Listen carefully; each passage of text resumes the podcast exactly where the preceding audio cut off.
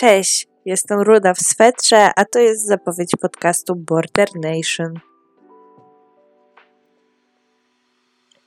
Wracając z Warszawy z pytaniem na śniadanie, pomyślałam, że chcę rozszerzyć moją działalność i poza kontem na Instagramie chciałabym tworzyć jeszcze coś, co pomagałoby w odstygmatyzowaniu zaburzenia osobowości typu borderline.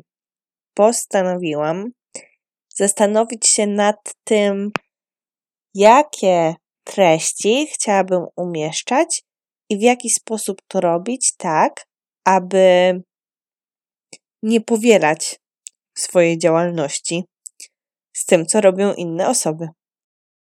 Wyobraź sobie te wszystkie filmy i nagrania, w których dzieci pytane są o to, czym jest miłość, małżeństwo, co to jest przyjaźń, złość i inne takie.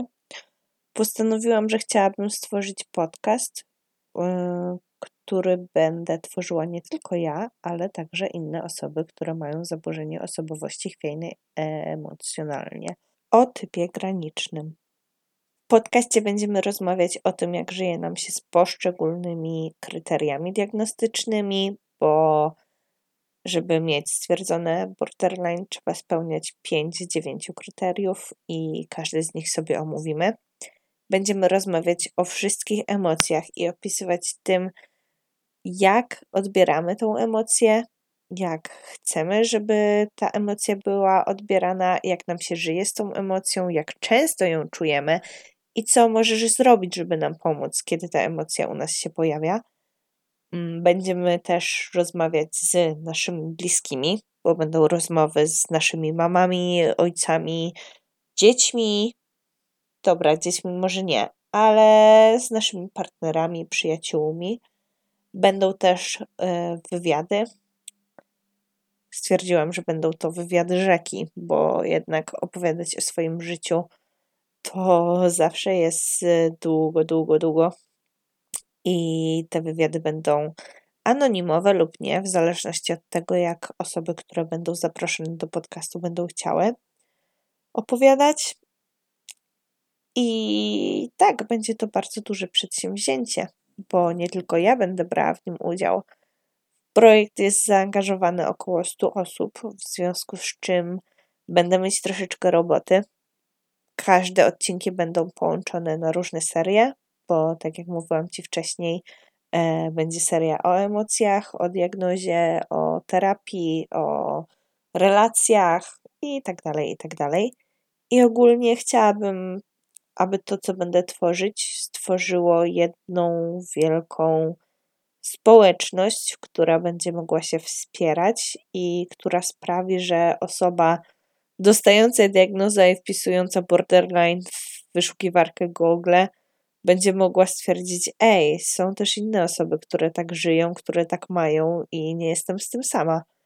Więc mam nadzieję, że pomysł tego projektu Ci się podoba, że będziesz chciał, chciała słuchać, że tak naprawdę stworzymy coś, co będzie no po prostu fajne i przyjazne i co będzie pomagać nam w odstygmatyzowaniu borderline, bo nie chodzi nam o dalszą stygmatyzację, ale o to, żeby osoby, z którymi żyjemy, nas rozumiały i wiedziały, jak to jest to borderline mieć w najbardziej przystępny i prosty sposób.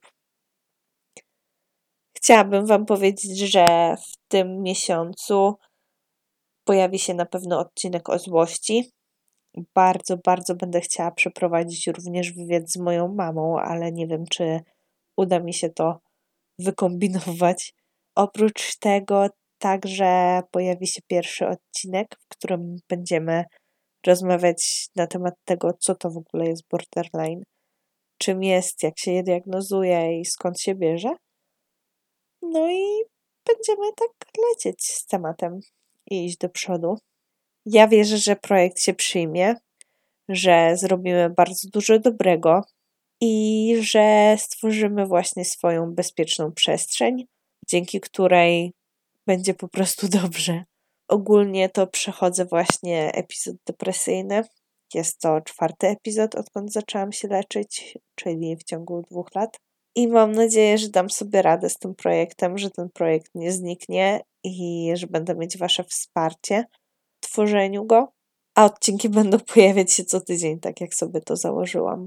Pierwszy odcinek pojawi się 1 grudnia i mam nadzieję, że chętnie go odsłuchacie i że będziecie zadowoleni, że ten mój pomysł się przyjmie. Pozdrawiam Was serdecznie, bardzo mocno Was przytulam i mam nadzieję, że do usłyszenia. Buziaki, cześć.